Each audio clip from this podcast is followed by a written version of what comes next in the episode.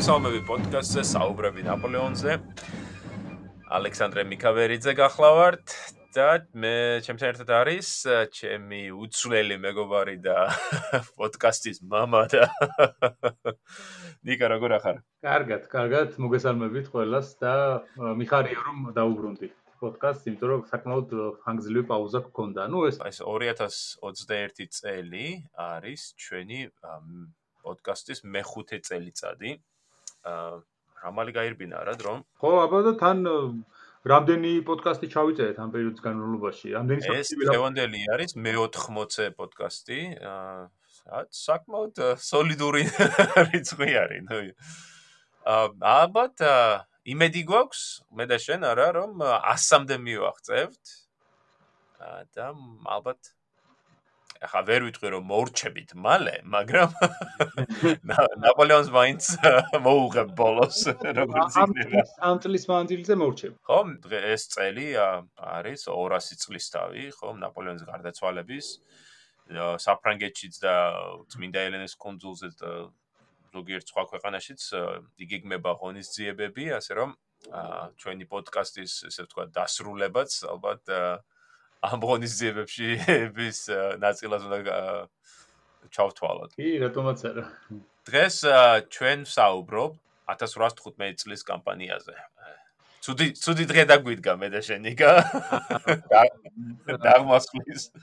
და ერთი ისიც უნდა ითქვას, რომ მიუხედავად იმისა, ძალიან საინტერესო კამპანიაა და ნუ ალბათ ნაპოლეონის ომებიდან ერთ-ერთი ის არის, მაინც გამორჩეულად საინტერესო და პოპულარული. აა ისტორიკოსებს შორისაც.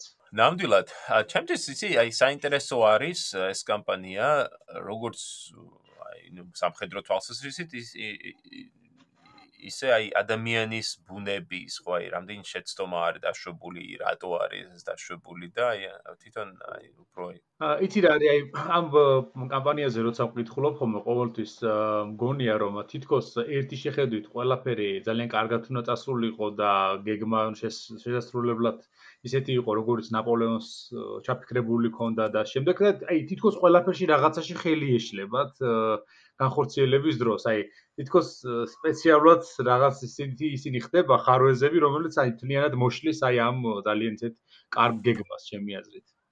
ხო, თა ისეთი შეცდომები, რომელსაც ახლა უფრო აი იკვეთება ამ კამპანიის დროს, აი შეცდომები, რომ ადრე ადრეულ კამპანიებში ჩვენ ხედავთ, რომ არაერთხელ დაუშვიათ შეცდომები, მაგრამ შეცდილობდნენ და ზოგიერთ უმეტესწილად წარმატებულად გამოესწორებინათ, მაგრამ აი ამ კამპანიაში იმდენი შეცდომა დაუშვეს და ისეთ მომენტში, რომელთა გამოსწორება. ზუსტად როცა გადამწყვეტი ის იყო მომენტი, ზუსტად იქ ხდებოდა ეგ შეცდომა. აი რაღაცას რომ უნდა გადაეწყვიტა უკვე რო თქვა იგივე პირველი ლინისთან ბრძოლის ბედი, იგივე კატბრა სიტუაცია, იგივე თვითონ ვატერლოოში ის რაც მოხდა, აი თითქოს რაღაც გადამწყვეტი იმაში ხდებოდა ეს შეცდომა მაინც და მაინც. არა და მთლიანი გეგმა ერთი შეხედვით რო ნახოთ ძალიან კარგად იყო დაგეგმილი, იმიტომ რომ ორ არმიასთან ბრძოლა, თანაც მასე მრავალი წვანი ერთიანობაში, აი კარგი გეგმით მიდიოდა ეს სწორედ ის რაც საკეთებდა ნაპოლეონი.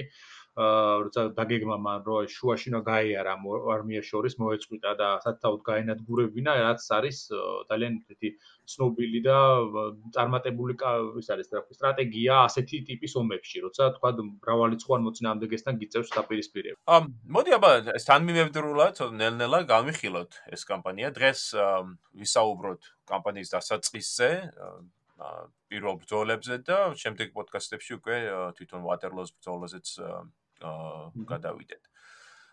ჩვენ წინა პოდკასტში ვნახეთ რომ ნაპოლეონი დაბრუნდა მარტში საფრანგეთში და ახლა უკვე 100 დღე, ხო, ეს როგორც ამ ამ პერიოდს უწოდებენ, 100 დღე იწურება. მოახლოვდით ჩვენ ივნის და სამხედრო მოქმედებები იწყება ოფიციალურად 15 ივნის. ანუ მთელი ეს ვატერლოოს კამპანია არის 3 კვირა და 2 დღეა. 15 ივნისიდან 8 ივლისამდე ასე ითვლება ოფიციალურად ასე ფორმალურად. და თუ გადავხედოთ ჩვენ შეერაღებულ ძალებს დავინახავთ რომ ნაპოლეონი უკვე ამ საწყის ეტაპზეც კი უკვე სუსტ პოზიციაზე დგას ვინაიდან მას ყავს დაახლოებით 125000 კაცი 350 ქვემეხით მაშინ როდესაც მოწინააღმდეგეს ამ შემთხვევაში ბრიტანულ ჰოლანდიურ ჯარს, რომელსაც სათავეში ედგა ველინგტონის hercogi გააჩნდა 100000-ზე მეტი ჯარისკაცი და მას ჩვენ როგორც ყველა ვიცით, აა მხარს ედგა პრუსიელთა ჯარი, ცნობილი ხო? ბლუჰერის ბლუჰერის მეტაურობით, რომელსაც 133000 ჯარისკაცი ყავდა. ანუ მთლიანობაში უკვე აი ამ ორჯერადებოდნენ მოწინააღმდეგეები. თითქმის ორი ერთზე, ხო? 125 დაახლოებით ფრანგების მხარეს და 120 220000 მოკავშირეთა მხარეს და არ დაგვაუწყდეს რომ ნაპოლეონი გარკვეულწილად ჩქარობდა აი ამ ომის დაწყებას, ვინაიდან მან იცოდა ძალიან კარგად, რომ ამ 220000 ბრიტანელ, ჰოლანდიელ და პრუსიელ ჯარისკაცს მალე გვერდში ამოუდგება ერთი ამდენი რუსი და კიდევ ამდენი ავსტრიელი, რომ არაფერი ვთქვა, უფრო მცირე გერმანულ სახელმწიფოებზე, რომ მილიონიანი არმია მზადდებოდა ყველა მხრიდან რა ესე. თუ ცოტა 750, ხო, თუ ჩავფრით თქვა ესპანეთს და სხვა თლიან რესურსებს, თავსებით შესაძლებელია რომ კოალიციას გამოეყვანა მილიონამდე ადამიანი. ეხლა ცოტა უფრო მოდი გადავდოთ ეს კოალიციის ჯარები განს და აი კონკრეტულად ყურადღება გავამახვილოთ აი ამ ორ ჯარზე, რომელიც ნაპოლეონის წინ ედგა. ანუ ბრიტანულ ჰოლანდიური და პრუსიული. ერთის ხრივ, როცა ჩვენ ყურადღებას თუ გადავიტანთ თქვა ბრიტანულ ჯარზე, ძალიან ხშირად ეს ისტორიულად ამ ჯარს უძახოდნენ უბრალოდ ბრიტანული ჯარი, ხო? მაგრამ აი ბოლო დაახლოებით 15-20 წლის განმავლობაში დაიწყო ახალი კვლევები, რომელიც ცხადყოფს, რომ აი ამ ჯარში ბრიტანელები, როგორც ასეთი, და მithom ინგლისელები კონკრეტულად უმცირესობას წარმოადგენენ. ჯარის დიდი ნაწილი იყო უფრო გერმანულად მოსაუბრე. ამაში მე გულისხმობ როგორც ჰოლანდიულ შენაერთებს, რომელსაც ორანჟის ხო პრინცი პრინცი ორანელი ხო დიახ ორანელი აა და ამაში ასევე გულისხმობ აი მეფის გერმანულ ლეგიონსაც, ხო, რომელიც უმეტესწილად ჰანოვერიელების და სხვა ჭრილო გერმანელებით იყო დაკომპლექტებული. ეს არ არის გასაკვირი, იმიტომ რომ ინგლისური არმია, რომელსაც ველინგტონი მეთაურობდა ესპანეთში, არასდროს არ იყო ხოლმე მრავალრიცხოვანი, მაინც და მაინც არ ქონდა დიდი სამხედროის ინგლის სახმელეთო ძალების გამოყვანის აა ისეთი პოტენციალი როგორც თქვა საფრანგეთს იგივე და ავსებდა ხოლმე ამას თქვა აქ ამ შემთხვევაში ჰოლანდიელები არიან იქ ესპანელები და პორტუგალიელები. ამას კიდევ ერთი რამე უნდა დავამატო რომელსაც ძალიან ხშირად ჩვენ ადმ ხალხს ავიწყდებათ რომ აი და სწორედ აი ამის აქცენტს ვაკეთებდი ვაკეთებ მეც ჩემს ციკში ხო რომ ნაპოლეონის ომს ომებს გააჩნია ეს საერთაშორისო განზომილება რომელიც ცდება ევროპის საზღვრებს აი აი ამას ჩვენ დათვლად ხედავთ ზუსტად აი ახლა აი ამ 1815 წლის კონტექსტში რომ მინაიდან არ დაგვაიწყდეს რომ ომი მძვინვარებს არა მარტო ევროპაში, არამედ ასევე მძვინვარებს ჩრდილო ამერიკაშიც, სადაც აი ეს 1815 წლის დასაწყისისათვის იყო ომი ამერიკის შეერთებულ შტატებსა და ბრიტანეთს შორის, რომელიც სწორედ აი ნაპოლეონის ომების წიაღში აღმოცენდა, ხო ამ პრობლემებიდან რომელიც არსებობდა საფრანგეთსა და ბრიტანეთს შორის, ურთიერთობა, ამერიკის როლი ამ ურთიერთობაში. ეს ომი დაიწყო 1812 წელს და სწორედ 1815 წლის დასაწყისში არის აი ეს ცნობილი ბრძოლა, ხო, ახალ ორლეანთან, სადაც ამერიკელებმა შეძლეს ბრიტანელების დამარცხება. ეხლა რატო რატო აღნიშნავ ამას? იმიტომ რომ აი ამ ომის საწარმოებლად, როდესაც სამხედრო მოქმედებები დასრულდა ევროპაში 1814 წელს. ბრიტანელებმა გადაისროლეს თავიანთი გამოცდილი ჯარის, აი ესპანეთში ნაბრძოლი ჩენაერთების ი გამობრძმედილი ხო ოფიცრები და ეს ჯარისკაცები მათი დიდი ნაწილი გადაისროლეს სწორედ ჩრდილოეთ ამერიკაში. ა სადაც ისინი იბრძვიან გარკვეულწილად წარმატებით, თუმცა საბოლოოდ როგორც თქვი, აი ამ ახალ ორლეანთან 1815 წლის იანვარში ისინი დამარცხდებიან. ამიტომ როდესაც ველინგტონი მიდის ხო საბრძოლო ნაპოლეონის ძინაამდე, სწორედ მის წერილებს თუ გადავხედოთ, ნახავთ რომ ის განუმედმის ჩივის იმას რომ მას არ გააჩნია ეს გამოცდილი ჯარისკაც ჯარები, რომელსაც ის შეძლებს წარმატებით გაართვას თავს თავის ამოცანას. აა ასევე უელინგტონი არ იყო კმაყოფილი თავისი ჯარის რიცხო რაოდენობით, ხო დაახლოებით 100000 კაცი ყავს მას. და მის წერილებში იკვეთება მაგალითად ერლ ბართურსთან ბრიტანეთის სამხედრო დივანთან. გაგზავნილ წერილებში ის ითხოვს დამატებით 60000 კაცის გამოყვანას.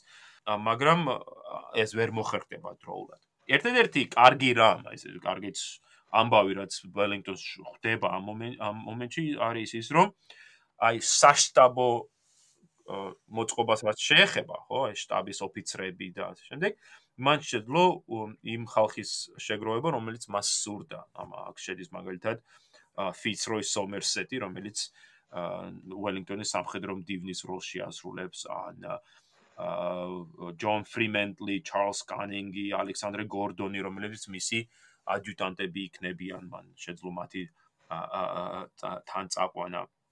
ასევე თქვა აი ლოჯისტიკას რაც შეეხება ხო მას თან გაყვნენ გამოცდილი პირები როგორც იყვნენ ჯორჯ მიურეი ან ჰოუდელანსეი ამ ხრივ კემაინს მას გააჩნდა ეს და რა არ დაგვიწყდეს იმის თქმაც რომ თქვა აი კავალერიას რაც შეეხება ხო მას თან ყავდა Royal Grace-ს ყავდა. ხო, აიზო, ხო, საკმაოდ წარმატებული ქვედანაყოფი, რომელიც დიდ დიდ როლს ითამაშებს ხო ამ კამპანიაში. ამ ბრიტანული ჯარი, ან ბრიტანულ ჰოლანდიური ჯარი, ესე რომ ვთქვა, ამ შედგებოდა ორი დიდი корпуსისგან, ერთი იყო პირველი корпуსი, რომელსაც სათავეში ედგა აა მე ხო მე მუდამ ამ ინგლისურ ყაიდაზე, ინგლისურ ისტორიოგრაფიულ ყაიდაზე. ორანელი? ორანელი ხო, მე ორანჟ ნასაუს პრინცს ვწოდებ. ამიტომ შემისწორე ხოლმე. ორანელი პრინცი, ხო? ოფიციალურად არის ორანჟ ნასაუს მემკვიდრეობითი პრინცი იყო შემთხვევაში. კი, იცი არის ზოგადად ჩვენთან დამკვიდრდა ამ ფორმით პრინცი ორანელი და იმიტომ რომ კითხვა ეს ო როგორც არის სწორი ისე უნდა ვთქვა და რა. ორანელი პრინცი ედგა სათავეში ამ პირველ корпуს, ხოლო მეორე корпуს სათავეში ჩაუდგა საკმაოდ გამოცდილი ბრიტანელი გენერალი როლანდი ლორდი ჰილი.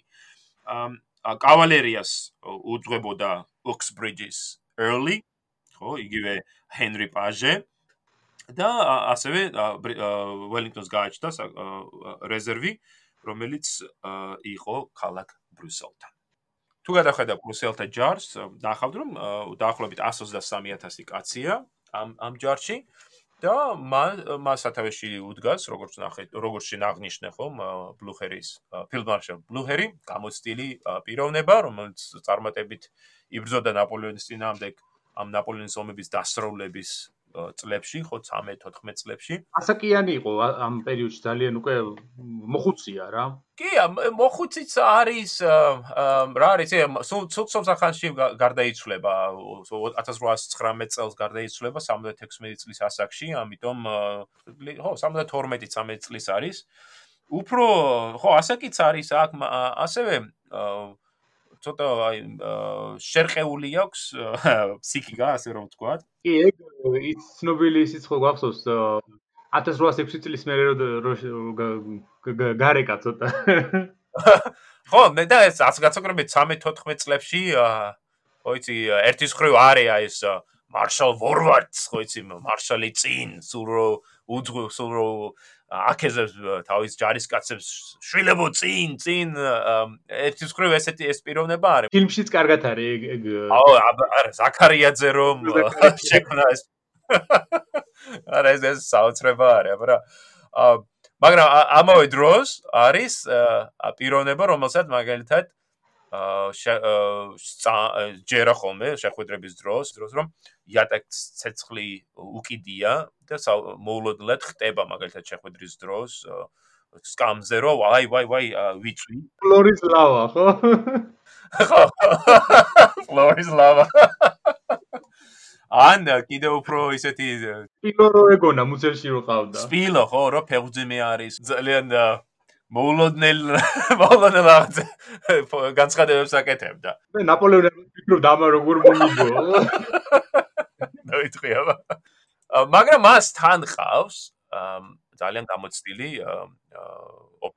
გნეიზენაუ გნეიზენაუ ბიულო ნამდვილად რომლებიც სწორედ აი ჩვენ ნახავთ ხო ლინისთან ბრძოლას ბრძოლის შემდეგ იმდენად ბრძოლის დრო არა რამეს ბრძოლის შემდეგ გადამწყვეტ როლს ითამაშებენ ამ კამპანიაში და ისე უნდა ვთქვათ რომ პრინციპში აქ უკვე აღარ არის ის გერჰარდ ფონ შარნჰოსტი თუმცა მან ძალიან დიდი როლი შეასრულა იმ პრუსიული არმიის რეფორმირებაში, რომელიც ახლა ხედავთ უკვე ამ 1813 წლიდან მოყოლებული ნაპოლეონის ომების მეორე იმაზე, აკვი ეტაპზე. და ზოგადად რომ თქვათ, ამ ბლიუხერის არმია ამ პერიოდში რაც თქვათ 133000 კაცი, როგორც აღნიშნეთ, 4 корпуსად იყოფოდა.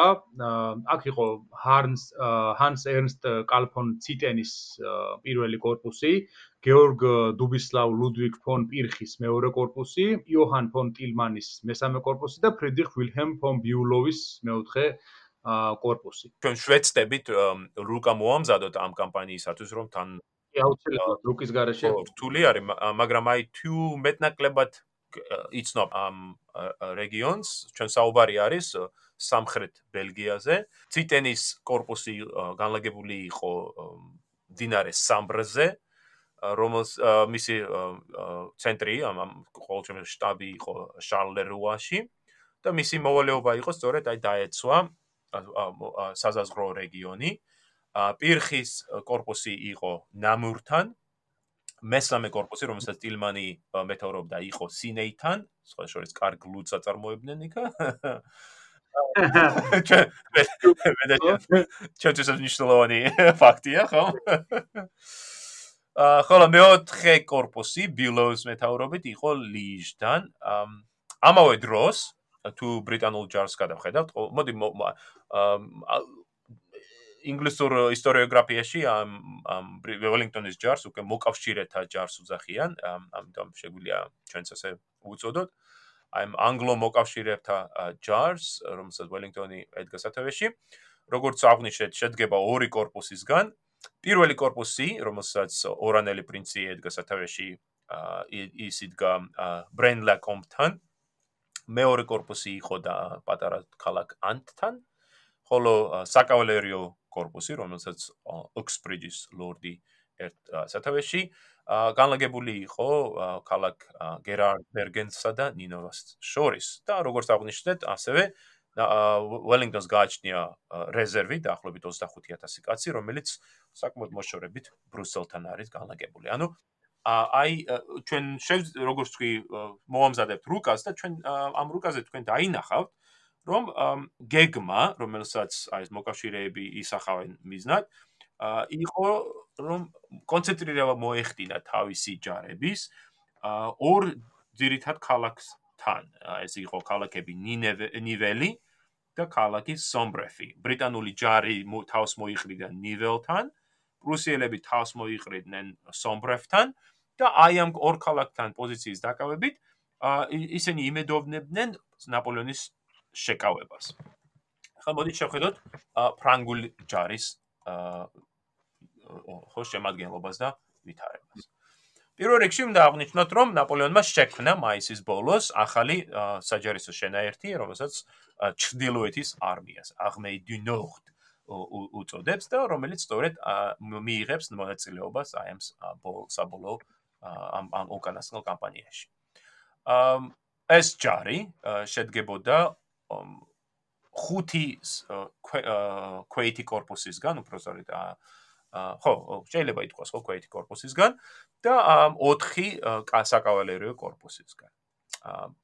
მოდი შევხედოთ ხო ვინ არის ეს ხალხი, იმიტომ რომ ჩვენ გვექს ისაუბრეთ პრობლემებზე, რომელიც თქვა ველინგტონს გააჩნია, მოდი ვნახოთ აბა ნაპოლეონის ხარეს. აა პირველ корпуს სათავეში ედგა დერლონი. გენერალი დერლონი, ჟან ბატის დღუე, დერლონის თავადი, სრული სახელი რომ უწოდოთ მას, იყო საკმაოდ გამოცდილი ოფიცერი. და ჩვენ მასზე არაერთხელ კიდე ვისაუბრებთ, ხო, ამ კამპანიის დროს სამწუხაროდ არც ისე კარგ ჭრილში ხო აბა ნუ ფაქტობრივად კატასტროფა გამოდგა დერლონისთვის ეს არა და ის საინტერესო არის იმიტომ რომ აი დერლონი დაიბადა ქალაქ რეიმში 1765 წლის ივლისში ანუ ნაპოლეონის ასაკისა დაახლოებით ხო 4 წლით უფროსი არის მასე არის წარმომავლობით აი ესე დაბი ოჯახიდან მამამისი და მისი წინაპრები უბრალოდ ჩაოლებრი მუშები იყვნენ თვითონაც სხვა შორის თავდაპირველად მშობლები უპირებდნენ მას აი სა უბრალოდ საათების შემკეთებლად მუშაობას. მაგრამ აი 82 წელს მან მიატოვა ეს ეს თავისი კარიერა თუ ამას შეიძლება უწოდოთ ასე და გადაწყვიტა ჯარში წასულიყო საკმაოდ წარმატებით მსახურობდა მithumetes რევოლუციურ პერიოდში მას გაეხსნა გზა აა წინსულა მიაღწია და უკვე 1799 წლისათვის ის გენერალი იყო იბრძოდა ანდრე მასენას მეტაურობის ქვეშ შვეიცარიაში გამოიჩინა თავი ციურიხთან მეორე ბრძოლაში. შემდეგ გადავიდა რაინის პირეთში იქ იბრძოდა მოროს ჯარში თავი გამოიჩინა ჰოჰენლინდენთან სადაც სხვა შორის დაიჭრა. და შემდეგ უკვე ნაპოლეონი რომ მოვიდა სათავეში ნაპოლეონის ჯარშიც იბრძოდა და ძალიან წარმატებულად როგორც დივიზიის მეთაური დერლონი საკმაოდ კარგი მეთაური იყო. ჩვენ ამას ხედავთ მაგალითად აუსტერლიცის ბრძოლაში სადაც მის მისმა დივიზიამ მნიშვნელოვანი როლი ითამაშა. ასევე წინვალეთ იბრძოდა იენასთან შემდეგ 1807 წელში თავი გამოიჩინა ფრიდლანდთან სხვა შორის სწორედ აი ამ ბრძოლაში გამოჩენილი მამაცობისათვის და წინამძღოლობისათვის ნაპოლეონმა მას დააჯილდა მიანიჭა საპატიო ლეგიონი და მისცა დერლონის თავადის წოდება. და უკვე შემდეგ წლებშიც დერლონი 1809 წელშიც იბრძვის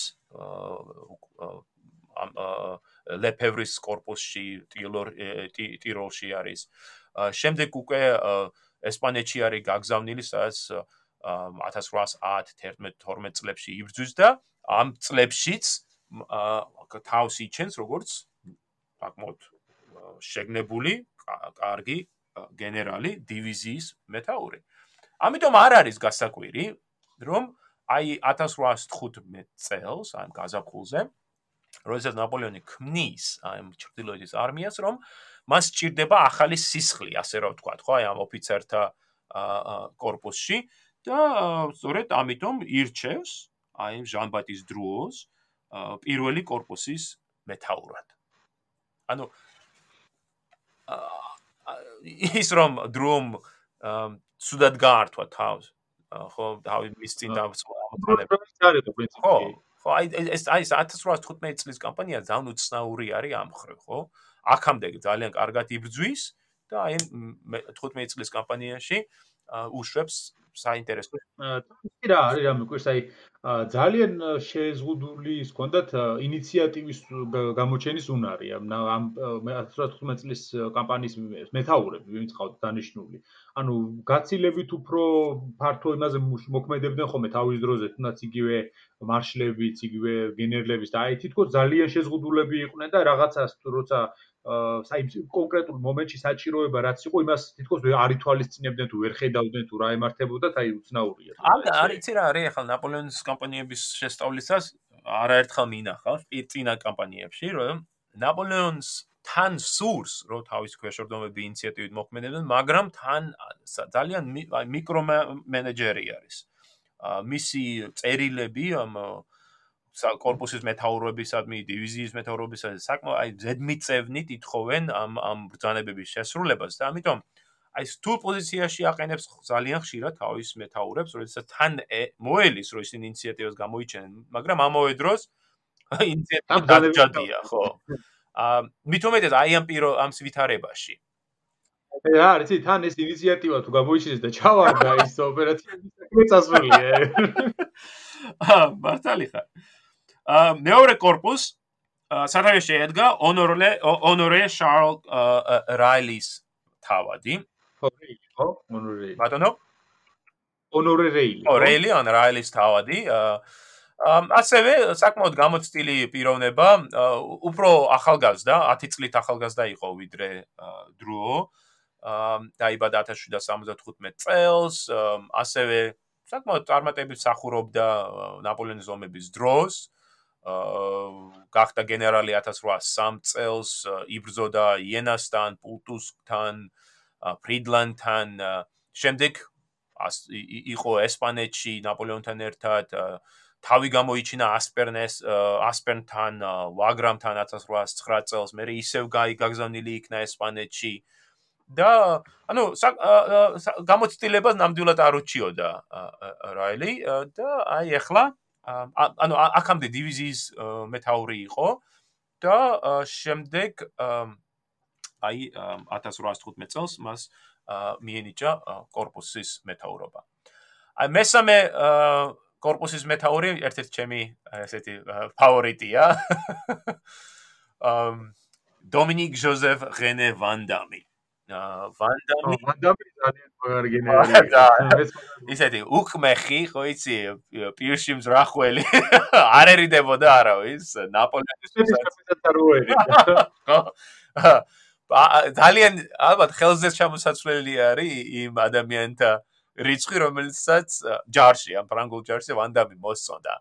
ამიტომ ძალიან ისეთი ტიპი იყო და ანუ უხეში ცოტა არ იყოს. ნაპოლეონსაც არ ერიდებოდა.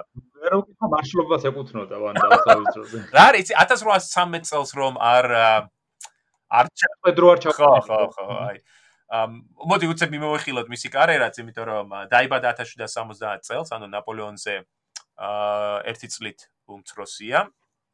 აა დაიწყო ჯარში მსახურობა, როდესაც იყო 16 წლის. აა რევოლუციამ, როგორც ბევრი სხვა ფრანგი ოფიცრისათვის, ამის კარიერაც შეცვალა.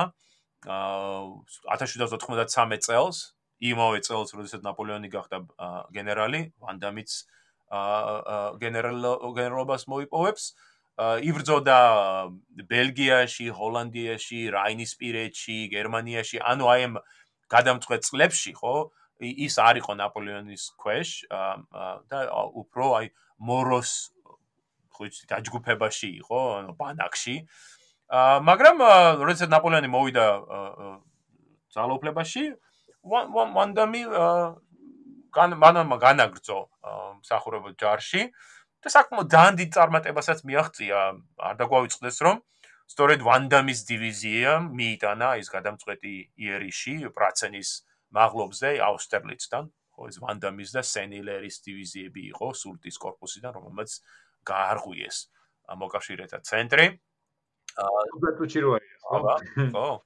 აა შემდეგ იბრძვის პრუსიის წინააღმდეგ აა დიდი წარმატებას აღწევს 1809 წელს ავსტრიელთა წინამდე აბენსბერგთან, ლანსჰუტთან, ეკმულთან.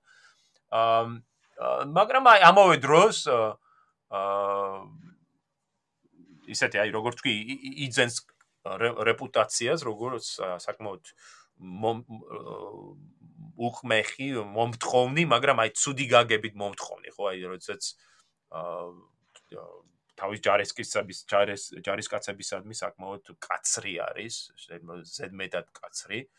აა ნაპოლეონი ნაპოლეონი თმა ერთხელ აღნიშნა კიდევაც ორი ვანდამი რომ ყავდეს ერთ-ერთი აუცილებლად ჩამოსახრჩობი იქნება.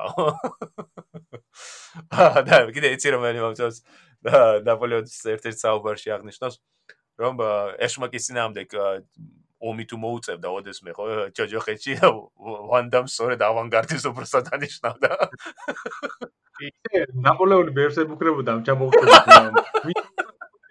არ ჩამოახჩო არა. 1813 წელს ვანდამი პირველ корпус მეთაურობს და თავდაპირველად თავი გამოიჩინა დრეზდენთან მაგრამ შემდეგ აი კუმთან ბრძოლის დროს მან ვერ გაართვა თავი თავის ამოცანას, იქნა მოწყვეტილი ფრანგულ ჯარს და სწორედ იძულებულია რომ დანებდეს 13000 კაცით და თქვენ დაჭრილი იყო რა. დიახ, დაგოღო იმ მდინარეს კაცბახთან ხო გამოიჭირეს. და სწორედ მან დაყო აი შემდეგი ერთი წელი გაყო ციხეში, სხვა შორის მეფე რუსეთის იმპერატორ ალექსანდრეს შეხვდა და იქაც აი ესე უკმეხად ესაუბრა. რაღაც ალექსანდრემ რაღაცა უთხრა, ვანდამს არესია მოვნა და ამ საუბარში, ახლა წარმოიდგინე როგორი ცოტა არ იყოს ვაშკაცური კაცი ესეც ვანდამ რომ ამ რუსეთის იმპერატორთან საუბარში ტყვეკაცი ხარ და ახსენებ ამ იმპერატორს შენ მამაშენის მკვლელი არ ახარო? ამის გამო საკმაოდ საკმაოდ კაცრად მოექცნენ რუსები ამ ტყვეობის დროს. 1814 წელს კი გაანთავისუფლეს და დაბრუნდა და ახლა 15 წელს ნაპოლეონს მიემხრო და ამიტომ მესამე корпуსის მეთაურობა ერგო მას. მეოთხე корпуსის მეთაური არის ჟერარი ეტიენ მორის ჟერარი, ასევე საკმაოდ გამოცდილი გენერალი, როგორც სხვებიც, როგორც თქვი, რევოლუციის გამოვლილი კაცი, თავი გამოიჩინა არაერთ კამპანიაში, განსაკუთრებით ესპანეთში, შემდეგ იბრძოდა რუსეთშიც, სმოლენსკთან, ვალუტინასთან, ბოროდინოსთან, სხვა შორის გენერლის დივიზიის გენერლის ეპოლეტები, მან სწორედ ბოროდინოსთან გამოჩენილი მამაცობისთვის მოიპოვა. აა 1813 წელსაც საკმაოდ კარგად იბრძოლა ლუცენთან, ბაუცენთან, მაგრამ ლაიფციგთან იყო საკმაოდ მძიმედ დაჭრილი. მალევე მიუხედავად ამ ჭრილობისა განაგრძო მსახურობა 1814 წელს მონტეროს და მაგალითად მეთაურობდა მეორე корпуს და ასე შემდეგ. უკანასკნელი გენერალი, რომელსაც მინდა განვიხილო, არის ჟორჟ მუტონი ლობაოს თავადი. ასევე ნაპოლეონზე მხოლოდ ერთი წლით უმცროსი ნაპოლეონის მსგავსად რევოლუცია გამოვლილი.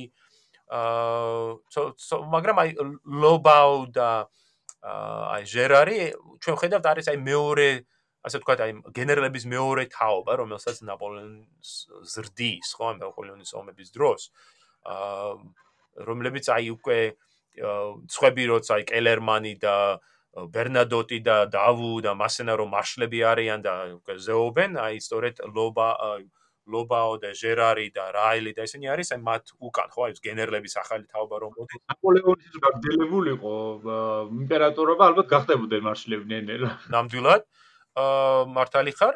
და აი ახლა სწორედ მათ აი корпуსის მეთაურობა ერგოთ და შენ როგორც თქვი, აი ხლა ეს მე 15 წლის კამპანია რო სხვანაირად წარმატებულიყო, თავსებით შესაძლებელია რომ აი ამ 4 გენერლიდან აა უბრალოდ 5 გენერლიდან ერლონი, რაილი, ვანდამი, ჟერარი და ლობაო ერთ-ერთს მოეპოვებინა აა მარშლის კვერთხი.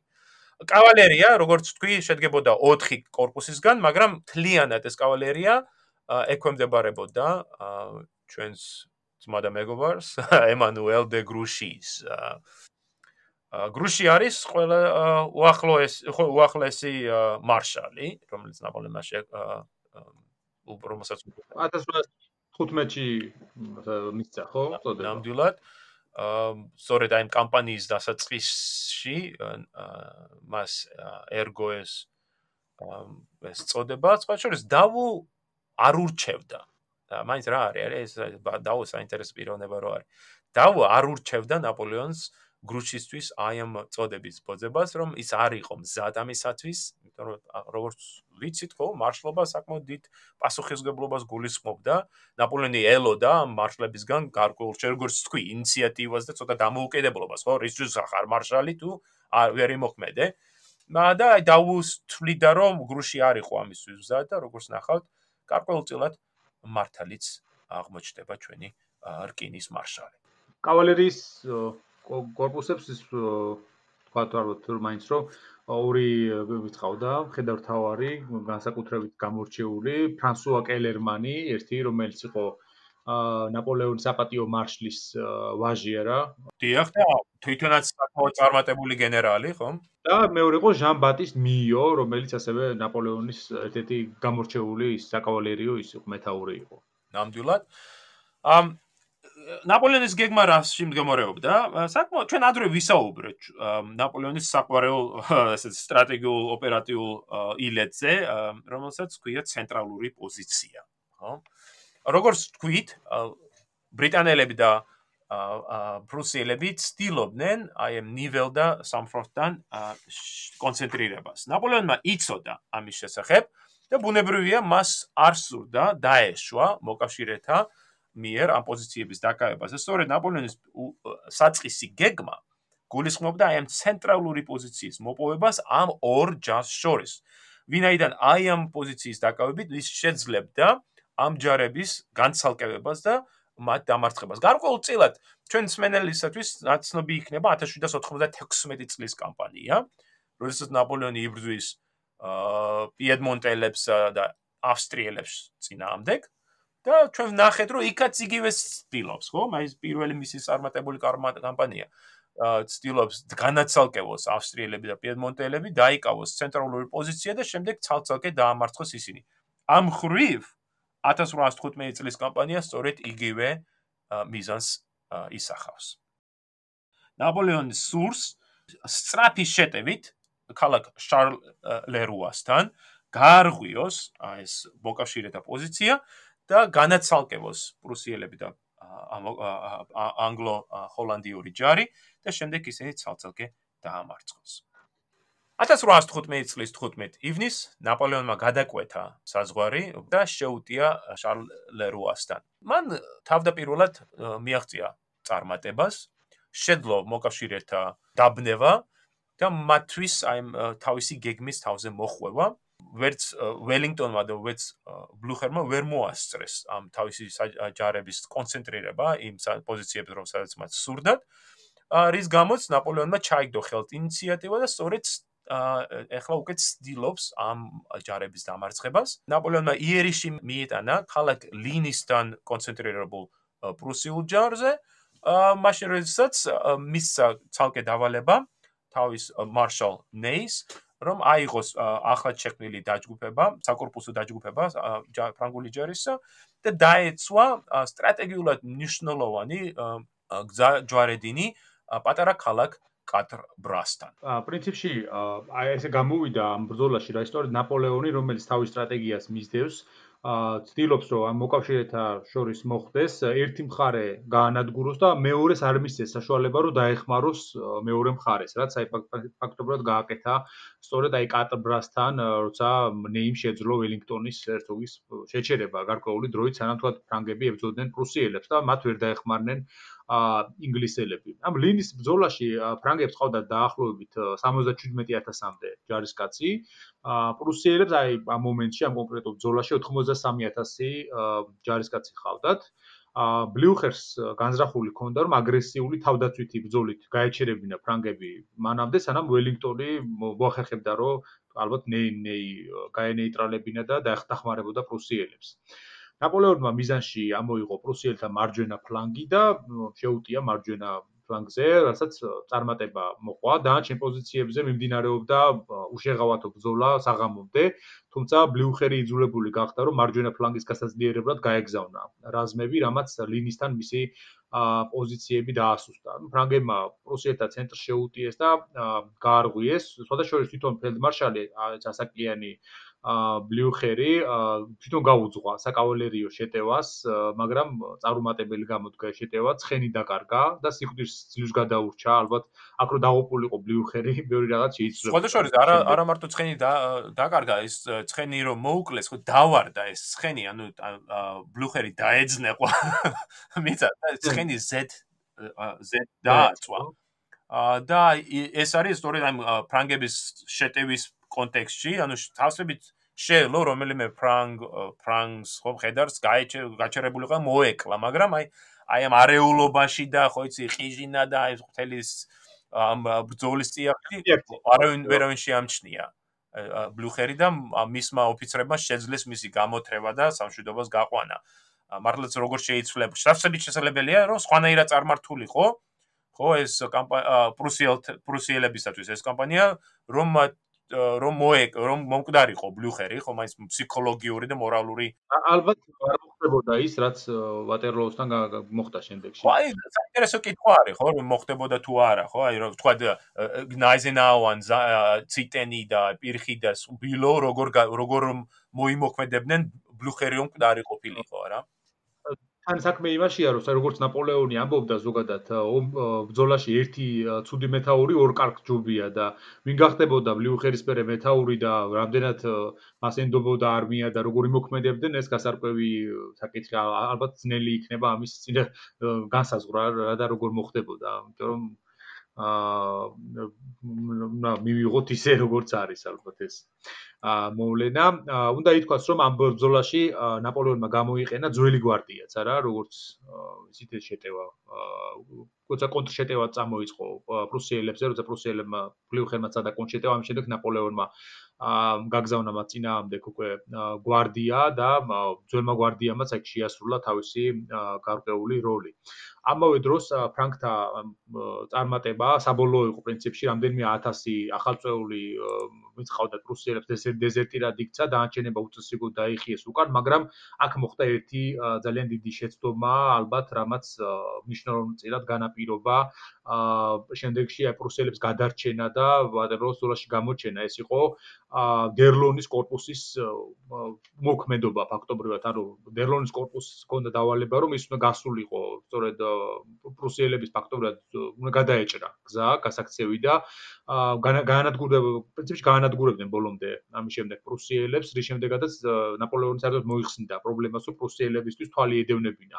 ეს იქნებოდა, როგორც თქვი, ნაპოლეონის საყვარელი ტაქტიკური მანევრი მანიოხსულა დერიე, როდესაც ხო ჩვენ არაერთხელ გვისაუბრია ამაზე, როდესაც ნაპოლეონი კი უტევს ფრონტიდან, მაგრამ ამავე დროს აი საფლანკო იერიშით გადის ტრის ჯარის უკან და წვეც მის საკომუნიკაციო და რუკში გასთან გახშირი ის იყო ნაპოლეონის ომების და აი დერლონსაც ესევალებოდა ხომ? რომ შეეტია და გასულიყო პრუსიელთა მარჯვენა ფლანგიდან გასულიყო მათ უკან და უკან გადასახევი გზა გაეწყვიტა. მაგრამ ხო, მაგრამ არ დაგვა არ დაგვაუწყდეს რომ აი 16 ივნის როდესაც ლინის დახტება ეს ბრძოლა პრუსიელთა და ფრანგებს შორის ამავე დროს არის ბრძოლა კატრბრასთან აი პატარა ქალაქ აი სტრატეგიულ ჯვარედინზე სადაც მარშალი ნეი უპირისპირდება უკვე ველინგტონის